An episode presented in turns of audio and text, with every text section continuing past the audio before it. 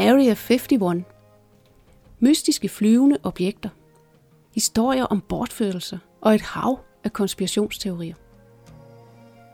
Fortællinger om UFO'er og rumvæsener har i flere år skabt meget debat, myter og et utal af Hollywood-film.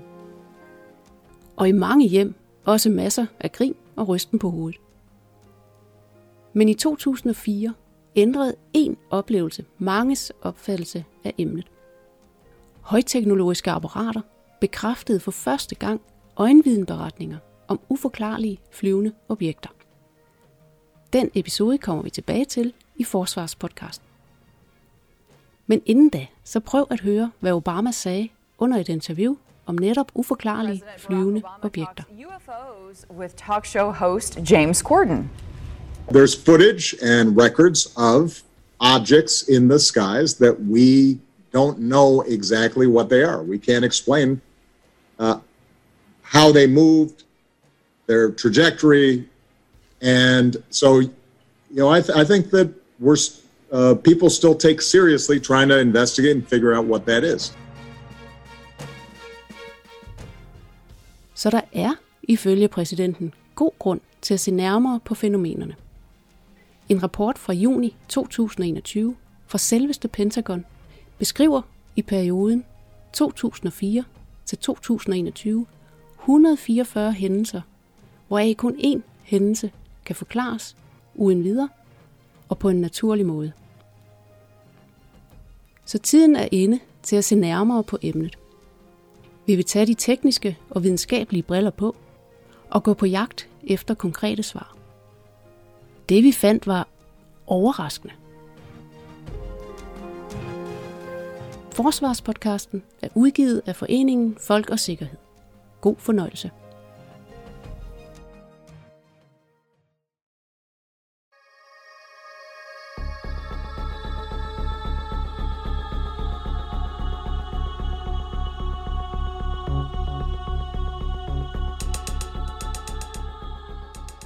Især de sidste 10 år har ændret vores videnskabelige opfattelse af universet i en grad, få troede, der var muligt for bare 15 år siden.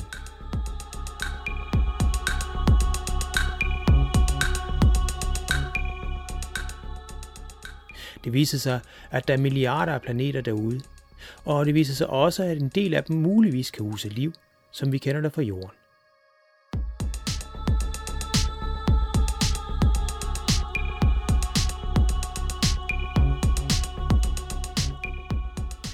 Det har blandt andet været med til at åbne op for en ivrig debat om liv uden for vores blå planet. Men i astronomien er der et kendt argument imod intelligent liv andre steder i universet. Hvis det virkelig var en naturlov, at liv findes overalt i universet, og at liv udvikler sig til intelligente og teknisk avancerede stadier, hvorfor har vi så ikke set dem?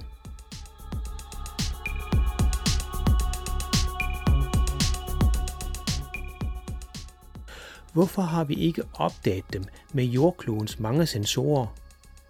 Det argument, der ligger i spørgsmål, har været brugt i mange årtier. Sideløbende har tusindvis af beretninger om UFO'er strømmet ind. Nogle fagfolk har kigget nøje på de her historier, så viste det sig enten at være en ganske naturlig forklaring, som vejrfænomener, eller også at historien var det pure opspind.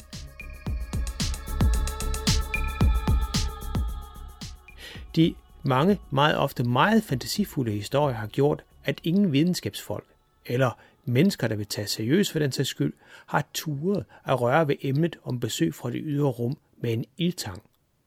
Vores egen nordiske UFO-organisation, Skandinavisk UFO-information, har efter 50 års undersøgelse konkluderet, at UFO-oplevelse kan forklares som en kombination af citat, psykologiske, sociale og kulturelle forhold i kombination med fejlperception.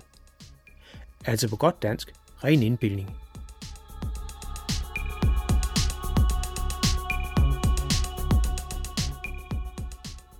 Men hvad nu, hvis mange faktisk af samme grund har tilbageholdt deres oplevelse med ting, der flyver rundt og ikke kan forklares uden videre? Og hvad nu hvis der faktisk findes beretninger, som ikke har en meget fantasifuld person som afsender? Hvad nu hvis det opleves ovenikøbet bakkes op af radardata, filmkamera osv.? Ja, hvad nu hvis? Jamen, så lyt lige til det her klip, hvor vores interviewperson taler om den såkaldte TikTok-hændelse, som det amerikanske forsvar faktisk har bekræftet har fundet sted. Øh, der, hvor det bliver virkelig spændende lige omkring øh, TikTok, det er jo så, at øh, det jo ikke rigtig ligner noget, der rent faktisk kan flyve.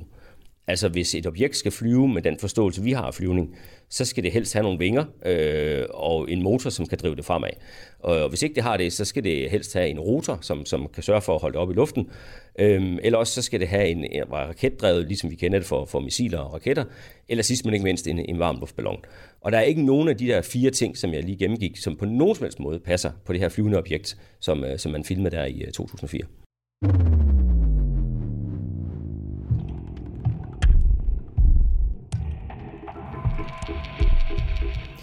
Klippet og hvem det er, der taler her, vender vi tilbage til.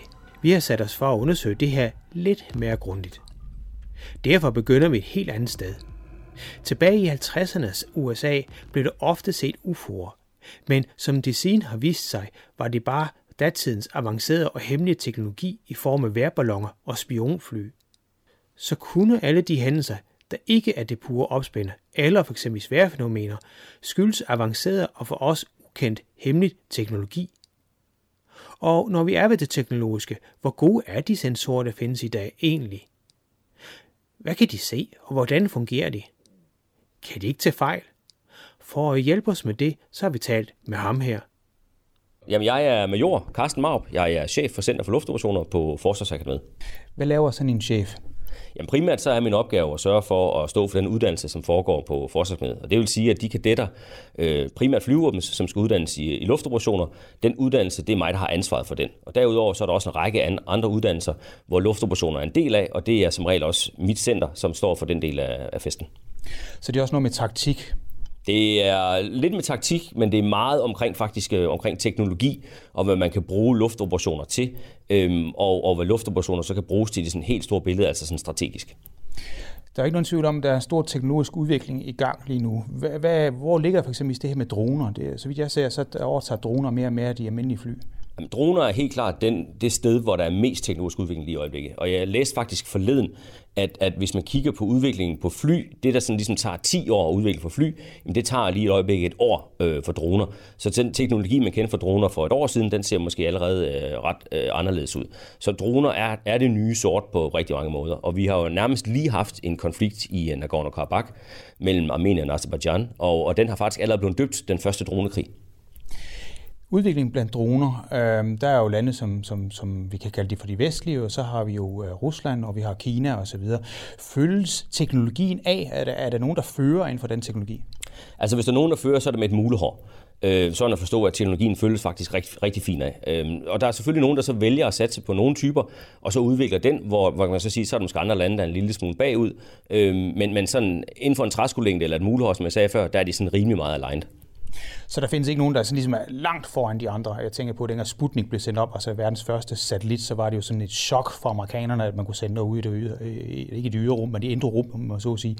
Øh, så det er ikke sådan noget med, at vi, vi har overset, at nogen kan en masse, som vi ikke er klar over, at man kan nu. Nej, det tror jeg ikke på. Øhm, og derudover så er verden også blevet mindre, end den var før. Så, så hvad andre folk går og laver, er vi som regel sådan rimelig godt øh, informeret om. Og, og det er så klart, der er så nogen, der har nogle bedre hvad skal vi kalde det, efterretningsindhentningstjenester øh, end andre. Øhm, og derfor er jeg sådan også forholdsvis overbevist om, for eksempel at amerikanerne har sådan en rimelig god fod på, hvad, øh, hvad deres to, sådan, altså de største øh, aktører, som, som kan tro dem, nemlig Rusland og Kina, hvad de egentlig også er gang i.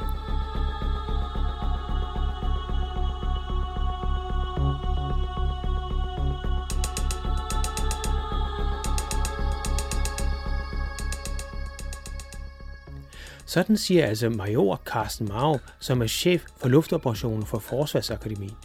Så det med, at nogle af de her uforklarlige ting, piloter og i øvrigt også søfolk og astronauter har set, kan sandsynligvis ikke skyldes super avanceret russisk eller kinesisk teknologi. Vi vil dog lige bruge lidt mere i den her teknologi, der findes. Så vi giver vores fagperson ord tilbage med det her spørgsmål. Hvad kan de droner i dag? Hvor hurtigt kan de flyve? Hvordan, de kan, altså, hvordan kan man genkende en drone på himlen, om man så at sige, eller på radaren for den sags skyld, som jeg ved, du er specialist i? Altså, og det er faktisk et problem med udtrykket drone, fordi drone er jo alt fra sådan en lille bitte håndholdt hobbydrone, man kan købe for 59,5 ned i en eller anden butik, som man kan fjernstyre med sin telefon, og så op til store øh, fly, øh, hvor der bare ikke er, er mennesker øh, ombord. Så, så jeg synes faktisk, at drone er sådan et, et altså, men det er det ord, vi bruger jo om, øh, om ubemandede luftfartøjer. Øh, og de kan så jo alt muligt forskelligt, fordi de findes i alt muligt forskellige størrelser. Øh, fra de helt store øh, droner, som, som Global Hawk øh, eller, eller den store Okhotnik, som er, er russernes drone, jamen så kan de jo flyve i, i luften i øh, 30-40 timer og overvåge store områder. Øh, nu lige præcis Global Hawk kan ikke have våben med, det kan, kan russernes. Øh, og ellers ned til den drone, som jeg tror, de fleste kender, nemlig øh, Predator-dronen, øhm, øh, eller, eller Reaper-dronen for den sags skyld, som jo så har sådan en, en airborne tid på omkring en 30 timer også, og kan, kan overvåge områder og kan have våben med øh, osv. Så, så det er sådan store droner. Og så er der jo så en hel masse droner in between, som er, er, er lavet til noget, noget, noget specifikt. Øhm, og i forbindelse med Nagorno-Karabakh, som jeg øh, nævnte før, så er det sidste nye, det er jo så droner, som jo faktisk bare er en bombe. Sådan at forstå, at, øh, at dronen flyver ud, og så an, bliver den så anvendt til at angribe et mål. Øhm, og på den måde så fungerer den jo som et præcisionsvåben, og faktisk så fungerer den jo mere eller mindre ligesom de bomber, vi har på vores jægerfly, hvor, hvor piloten flyver flyet ud og kaster en bombe, som enten er GPS eller laserstyret, og så rammer rigtig, rigtig præcis. Her der springer man jo så pilot og fly over, og så flyver bomben bare selv derud og bliver styret fra jorden og rammer så nøjagtigt lige så præcist. Findes der nogle særligt hurtigere droner? Altså jeg tænker jo, der er jo, der er jo ligesom begrænsning for, hvor meget den menneskelige krop kan udsættes for acceleration. Jeg tror, det er det, det vender vi tilbage til om lidt. Men findes der nogle sindssygt hurtige droner? Altså nu er der jo ikke nogen mennesker ombord på dronerne, så, så det, accelerationen er ikke et problem lige i den kontekst. Men, øh, men, men øh, Kina har lavet en supersonisk drone, øh, øh, og måske mere end en, øh, fordi de vil bruge dem til at overvåge store områder af Stillehavet. Øh, og det er noget, de gør i øvrigt for at, øh, at fratage amerikanernes dominans øh, derude. Øh, men ellers langt de fleste droner flyver altså ikke over lydens hastighed, altså subsonisk, øh, i, for, i forskellige hastigheder. Og langt de fleste droner flyver faktisk ikke særlig hurtigt. Men, øh, men ikke desto mindre, så er der øh, i hvert fald lavet en supersonisk drone, som altså kan flyve overlydshastighed. En del af dit arbejde det består også af at, at, at kigge på, på radarbilleder og følge radarteknologien. Øh, kan du prøve at forklare det, hvordan en radar egentlig fungerer til den almindelige lytter? Altså en, en, en radar fungerer på den måde, at den sender en, øh, en, en, en bølge ud, en radiobølge faktisk, øh, i en lige linje fra, hvor den står. Øhm, og så kommer der så et, øh, et, et, det, vi kalder for et return, altså et, der kommer noget tilbage igen, øh, hvis den her radiobølge, den rammer en eller anden ting. Øhm, og så er radaren så i stand til at se, at herude er der så noget. Øhm, I gamle dage, der var radar 2D-radar, hvilket betød, at de kunne se en, øh, en retning og en afstand, men øh, havde svært ved at finde ud af, hvilken højde det, som de kunne se, øh, det var i. Moderne radar i dag er 3D, og det vil sige, at den tredje dimension er så selvfølgelig også højden, øh, og fungerer på en helt anden måde, hvor de faktisk skal bygge op en hel masse små radar, som i sådan, sådan nogle pencil beams kalder man, altså blyantstråler, øh, kigger ud og kan faktisk fokusere på forskellige objekter på en gang, øh, men også med det samme er i stand til at sige øh, retning, afstand og højde på de ting, som de kan se. Så, så, så radar i dag har udviklet sig til noget helt andet, end de var for, for 20 år siden, og er, er meget bedre til at se ting, øh, og, og, og, og i det hele taget altså give, give hvad hedder det, info om det, man kan se. Det, der er interessant ved radar også, det er, at der er ikke en uh, one size fits all. Altså, du kan ikke få en radar, der kan se alt. For eksempel, hvis du skal se objekter i rummet, så skal du bruge en, en bestemt frekvens, øh, for at kunne se, og, og det vi kalder for diskriminere, altså se for eksempel, hvis man skal se på et interkontinentalt ballistisk missil, og den farlige del af det er det, vi kalder for et re-entry vehicle, altså den del, der kommer ned i jordens atmosfære igen. Hvis man skal forsvare sig mod det, jamen så alt det andet, der var med på det missil her, det vil sige øh, forskellige stages, altså dele af, af missilet, øh, og alt muligt skråt, som bliver i rummet, det er jo ikke det, man skal angribe. Så der skal man altså have en radartype, som er specielt lavet til lige præcis at kunne sige, det her det er den farlige del af missilet, alt andet det er bare skrald, det skal vi ikke engagere. Omvendt for eksempel droner, jamen de flyver jo ikke særlig hurtigt, og nogle af dem de er rigtig, rigtig små. Det betyder for eksempel, at vores luftrumsovervågningsradar, øh, som vi kigger efter fly med, de er ikke i stand til at se dem. Øhm, så der skal du så have en helt anden type radar for at kunne se det. Så, så hvis du skal lave et luftforsvar, som både skal forsvare mod missiler, som skal forsvare mod fly, som skal forsvare mod droner, så er der faktisk ude i, at du skal have forskellige typer radar, for der er ingen, der kan se det hele. Så vidt jeg forstår, så er nogle af radarerne så god opløsning. Man taler om opløsninger, jeg forstået, på radarerne, at man kan se fugle. Ja, ja, men igen, øh, det kan du. Og så kan man også sige, at der er så også nogle steder, hvor du så ikke har interesse i at se fugle. Og så findes der en hel masse indstillinger for radaren. Dels er der nogle radar, der er intelligente, der kan gøre det selv, og dels kan du gøre det fra der, hvor du betjener radaren, hvor du så laver nogle indstillinger for, for eksempel fugle, de flyver altså alt ikke særlig hurtigt. Så, så ting, der flyver under den hastighed for eksempel, det gider jeg ikke at se, og så bliver det sorteret fra øh, undervejs.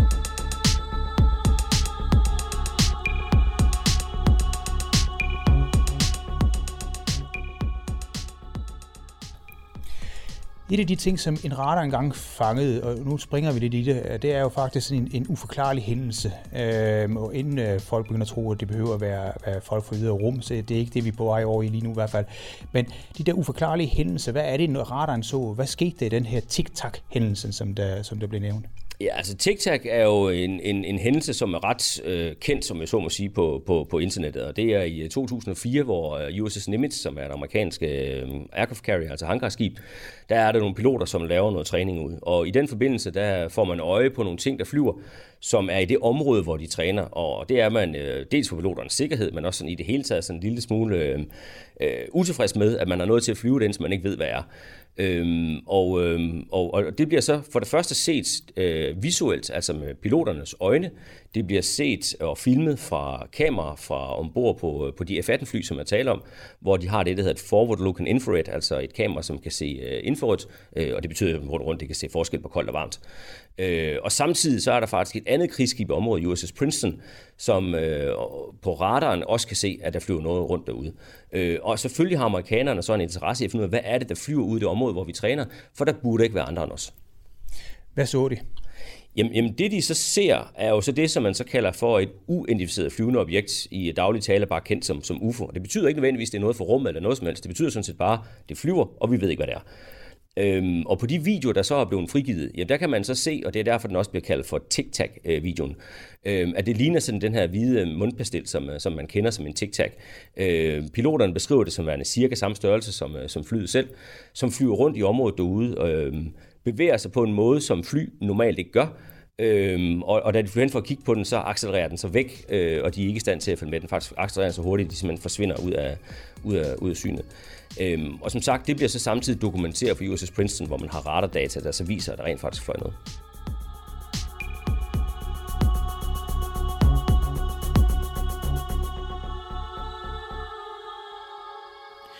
Sådan vurderer altså major Carsten Maro. Som du om lidt skal høre, så er der endnu flere grunde til, at sagen her er særlig interessant. Men det er dog ikke det eneste. Det er heller ikke første gang, at det amerikanske forsvar har kigget på netop uforklarlige flyvende objekter. Project Blue Book var et projekt, der kørte fra 1952 til 1969. Den endte dog med at vende tommelfingeren nedad og konkluderede, at der ikke fandtes nogen beviser for UFO'er fra det ydre rum.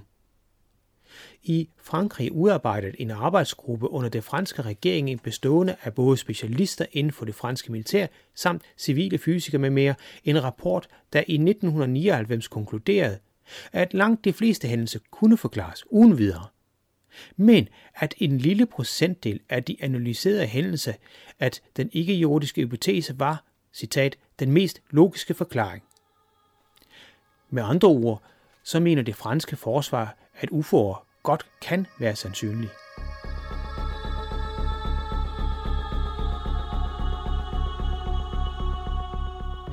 Fra 2007 til 2012 havde det amerikanske forsvarsministerium i al hemmelighed et projekt, der hed Advanced Airspace Threat Identification Program, som undersøgte UFO-indberetninger. Det er blandt andet de undersøgelser, den amerikanske kongres nu har tvunget det amerikanske forsvar til at lægge frit frem – i rapporten her UFO'er dog ikke UFO'er længere, men UAP'er. Det står for Unidentified Aerial Phenomena. Men tilbage til Carsten Marup, som gerne vil uddybe, hvorfor man ikke uden videre skal afvise den såkaldte TikTok-hændelse som noget, der let kan forklares. Faktisk tværtimod. Her chef for Center for Luftoperationer på Forsvarsakademiet, Carsten Marup. Øh, der, hvor det bliver virkelig spændende lige omkring øh, TikTok, det er jo så, at øh, det jo ikke rigtig ligner noget, der rent faktisk kan flyve. Altså hvis et objekt skal flyve med den forståelse, vi har af flyvning, så skal det helst have nogle vinger øh, og en motor, som kan drive det fremad. Og hvis ikke det har det, så skal det helst have en rotor, som, som kan sørge for at holde det op i luften. Øhm, eller også så skal det have en, en raketdrevet, ligesom vi kender det for, for missiler og raketter. Eller sidst men ikke mindst en, en varm luftballon. Og der er ikke nogen af de der fire ting, som jeg lige gennemgik, som på nogen som helst måde passer på det her flyvende objekt, som, øh, som man filmede der i øh, 2004.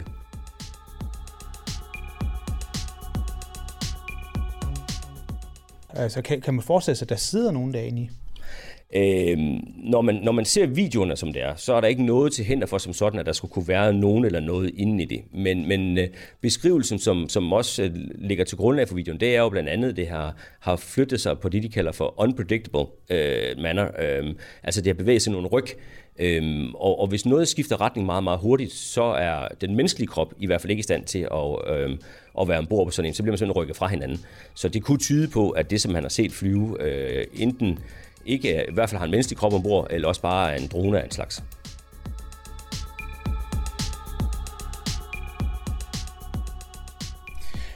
Carsten, når vi kigger på det her, på det der hændelse her, øhm, og jeg tænker på, øhm, at Biden har været ude at sige, at øh, teknologisk udvikling i Kina er meget stor. Øh, kan det ikke være en kinesisk drone? Problemet det er, at så, så kineserne har opfundet en drone, som jo bryder med alle fysikkens love, som vi kender dem. Og, og, og det vil simpelthen være så stort og så banebrydende øh, i forhold til den teknologi, vi kender i forvejen, at, at jeg ikke kan tro, at de lige pludselig skulle have fundet ud af, hvordan de går ophæve tyngdekraften, øh, modsat øh, alle os andre. Så jeg må indrømme, at jeg har, har meget svært ved at tro, at det er, en, øh, det, er en, det er en teknologi. Altså amerikanerne har jo er i gang med at lave en rapport, og der er sluppet lidt ud for den, og der konkluderer de også, det er i hvert fald ikke amerikansk teknologi. Øhm, og jeg har meget svært ved at tro, at det er russisk eller kinesisk teknologi, som skulle være så banebrydende anderledes i forhold til en teknologi, vi kender. Jeg tror også, der findes små få fysikere, der tror, man kan ophæve tyngdeloven i, i den her sammenhæng. Men øh, findes der andre øh, teknologier, eller rettere sagt andre hændelser øh, af den slags her, som du synes er interessante? Altså, der er masser af hændelser, og, og, og igen, der hvor jeg synes, det er mest interessant, det er, når vi får, får dokumenteret det for noget teknologi, at her er noget. I, øh, i 2019 der er et, et ret nyt øh, amerikansk krigsskib, som hedder USS Omaha. Øh, og grunden til, at jeg understreger det nyt, det er, fordi det så også har nogle meget, meget gode sensorer ombord de øh, filmer øh, et øh, kugleformet objekt, som, øh, som bevæger sig rundt øh, langs skibet i en meget lang periode. Øh, og igen, det er helt kugleformet. Det har ingen vinger, det har ikke nogen rotor, der kommer ikke noget varmt ud af det, og, og det flyver alt for hurtigt til at kunne være en ballon. Øh, så igen, et objekt, der flyver langs skibet, som jo i princippet ikke burde kunne flyve. Øh, det filmer de udefra med forward-looking infrared øh, kamera, øh, og for den sags skyld også, så har de også radarspor inden for selve skibet. Så der er altså to uafhængige sensorer, teknologiske sensorer, som kan dokumentere, at her flyver noget. Så vi skal ikke diskutere på den hændelse, om der rent faktisk var noget, for det var der helt klart. Øh, og så er der så også super interessant ved den hændelse her, at det her objekt så ender med at flyve ned i havet.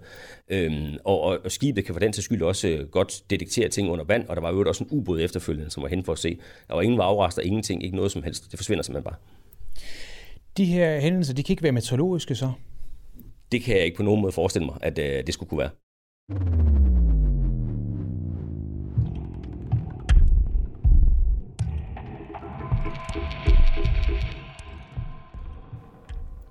Sådan siger altså Carsten Marup, chef for Center for Luftoperationer på Forsvarsakademiet. Inden vi giver ham ord tilbage, så kaster vi lige et blik ind i astronomiens verden. Her udtalte den kendte astronom Anja Andersen i DR's program Deadline forleden, at opdagelsen af de mange jordlignende kloder i vores egen mælkevej har gjort ikke-jordisk liv i universet meget sandsynligt. Den kendte Harvard-astrofysiker og professor Avi Lopes satte sin karriere på spil, da han udtalte, at et ca. 300 meter langt objekt, der passerede jorden i 2017, måtte være et rumfartøj. Objektet accelererer en smule på vej væk fra solen, og det burde ikke kunne lade sig gøre, mener professoren stadig. Han står dog ganske alene med den teori, men det viser alligevel sprækker i den ellers solide mur af afvisninger, astronomerne har lavet, når det gælder UFO'er. Samme spørgsmål melder sig naturligvis også ved hændelsen på jorden. Kan den forklares på nogen måde? Derfor spørger jeg Carsten Mauer det her. Har du nogen bud på, hvad det kan være? Nej, altså det, det har jeg faktisk ikke. Øh, også fordi, at, at problemet det er jo, når man begynder at lukke ned for muligheder for, hvad det kan være, så er der jo ikke ret mange muligheder tilbage, og dem, der er tilbage, de bliver sådan lidt sådan, ah, kan det virkelig være rigtigt? Altså, kan det virkelig være rigtigt, det skal være noget fra, fra en anden civilisation, som ligger og flyver rundt, og på den måde, og hvorfor i verden gør det så øvrigt det? Øhm, kan det være rigtigt, at det skulle være et eller andet organisk fra, fra vores egen jord, som vi aldrig har hørt om, øh, som, som kan en eller anden ting, som vi slet ikke forstår? Altså, så det, så det, det bliver meget, meget... Øh, jeg løber hurtigt tør for muligheder, hvis jeg skal være helt ærlig, for hvad, hvad, hvad det kan være. Men, men jeg synes i hvert fald, der er rigtig meget, der peger på, at det ikke er en teknologi, som vi, vi selv har lavet. Altså man kan jo sige, at det er lidt interessant, at, at alt det her det er noget, der foregår øh, omkring amerikanere. Men amerikanere er faktisk rigtig gode til og være meget åbne omkring rigtig, rigtig mange ting. Øh, de har sådan en Freedom of Information Act, som faktisk gør, at som dansker kan man søge agtindsigt i amerikanske ting. Øhm, men det er ikke kun USA, der har de her hændelser her. Øh, Frankrig har et program, som faktisk ikke laver andet end, at kigge på sådan noget her. Øhm, og der har været alle mulige andre hændelser også, som er, blevet offentligt dokumenteret. Øhm, og jeg har faktisk lige fået at vide her for ikke så frygtelig længe siden, at Kina nu også var ude og melde ud, at der er faktisk også noget, som flyver rundt omkring deres krigsskib, som de heller ikke ved hvad. Så amerikanerne er ikke de eneste. Hvad så med danskere? Har vi set noget? Øhm, der findes jo en radiopodcast, som hedder Den, øh, den flyvende tallerken, hvor, hvor, hvor verden, som hedder Frederik, han har talt med en hel masse. Og han har blandt andet talt med søfolk fra Danmark, som også har haft oplevelser for danske krigsskib, men som simpelthen ikke har ville fortælle det, fordi det, er, altså det her med at tale om UFO, det er sådan lidt stigmatiseret. Altså man bliver sådan hurtigt til en eller anden form for, ah, kan det nu også virke rigtigt, han er da klar til det lukkede eller lignende. Ikke? Øhm, og, og derfor har de ikke fortalt de her historier her. Men, men der har også været sightings i Danmark af forskellige slags.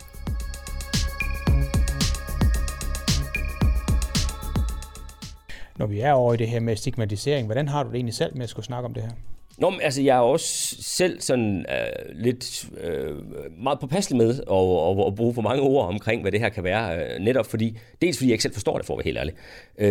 Uh, og også fordi, at der er jo altid den her mulighed for, at man bliver totalt udskammet, hvis det er, at, at folk synes, det, det er fuldstændig vanvittigt. Og, og jeg kan for eksempel godt forstå, hvis kritikere siger, jamen okay, fint nok, hvis det skal være intelligent liv, men hvorfor i verden opfører det sig, som de gør? Altså, det giver simpelthen ikke nogen mening. Og det, det kan jeg virkelig godt forstå, og det er også derfor, jeg sådan hellere vil spole tilbage og så sige, lad os først prøve at finde ud af, hvad filen det er for noget, der flyver. Øhm, og, og problemet for mig er så, når vi begynder at udelukke, hvad det kan være for de ting, vi kender til, med hensyn til vores egen love for fysik og den teknologi, som vi kender til, så ender vi bare et eller andet sted, hvor vi siger, der er ikke rigtig noget, der peger på, at det kommer herfra. Øhm, og, og så må man jo så begynde så at kigge på, hvad kan det så være?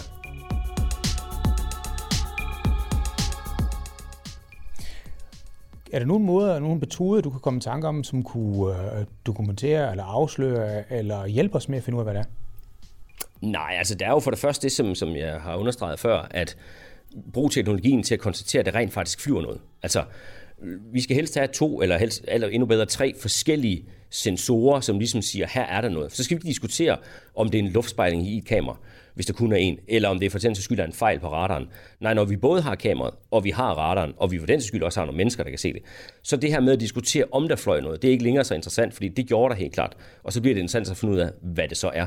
Øhm, og, og, og der må man så sige, altså, analysere de billeder, som er, øh, så godt som man overhovedet kan. Øh, for eksempel, når, når noget er øh, filmet med infrarødt, så kan man se, om det, der kommer noget varmt ud, eller, eller om det ikke gør, øh, for den sags skyld. Hvis, hvis det også er filmet så tæt på, at man kan se det har vinger af, eller ej, øh, og så lignende, så kan man også der øh, begynde at kigge på det. Men, øh, men, men ellers, altså, få fremlagt den, for det data på bordet, der er med forskellige ting, sådan også, at, at for eksempel de her smågrynede videoer, ting og sager, der, der er kommet frem, jamen det er ikke nu radardataen frem også, som understreger, at her var noget. Det bevægede sig underligt. Det kom fra meget høje højder ned på havoverfladen i løbet af næsten ingen tid. Igen teknologi, som vi ikke kender til, som vi ikke mener, der, der eksisterer. Så du glæder dig til de radardata, som, som de tilbageholder på nuværende tidspunkt. Hvorfor gør de det? Jamen altså, det ved jeg ikke, hvorfor man tilbageholder radardata, for at være helt ærlig, og jeg ved jo heller ikke, om de bliver fremlagt. Altså igen, der, der kommer en rapport, men hvordan den er strikket sammen, og hvor meget man udgiver i den, er jo øh, meget svært at sige på nuværende tidspunkt. Og amerikanerne har jo også selvfølgelig en, altså de skal gå på en knivsæk omkring at fortælle for meget omkring deres egne systemer og deres egne teknologier, øh, til også at være åbne omkring det, som de ved og, og det, som de mener, de kan sige.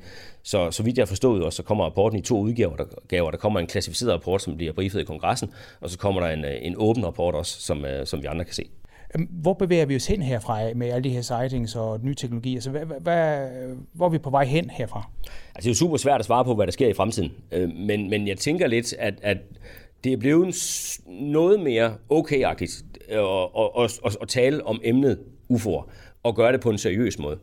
Øhm, og jo mere teknologi der kommer, altså vi får hele tiden bedre radar, vi får hele tiden bedre systemer, jo flere dokument, sådan, altså håndfast dokumentation, der ligger for, at her var faktisk noget, som vi ikke kan forklare, jo mere tror jeg også, at vi kommer til at forholde os seriøst til, om, om, om vi rent faktisk har fået besøg, eller hvad det egentlig er, vi kan se.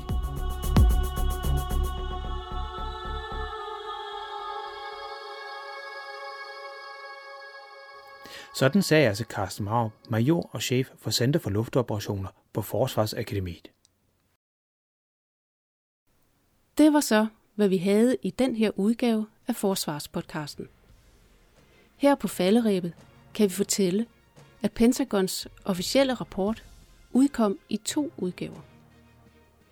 En er lavet til personer og politikere, der har en høj sikkerhedsgodkendelse, og en til den almindelige befolkning. Ikke desto mindre indeholder sidstnævnt rigtig mange overraskende ting.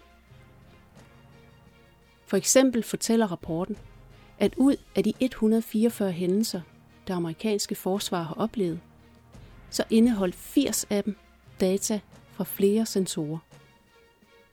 I 11 tilfælde rapporterede piloterne, at de var ved at kollidere med disse mærkelige genstande. Det er organisationen Folk og Sikkerhed, som står bag Forsvarspodcasten, og som er Danmarks podcast om forsvaret og beredskabet. Journalisten bag podcasten hedder Jan Simmen. Ideudvikling står Adam Sonic Meinerts fra organisationen Folk og Sikkerhed for. Du kan genhøre udsendelsen her på Folk og Sikkerheds hjemmeside. Har du forslag til emner, vi skal behandle i Forsvarspodcasten? Så skriv til Folk og Sikkerhed på Facebook eller på mailen kontakt snabel af folkogsikkerhed.dk mit navn er Karina Ludvigsen, og jeg siger tak for denne gang, og på genhør til den næste Forsvarspodcast.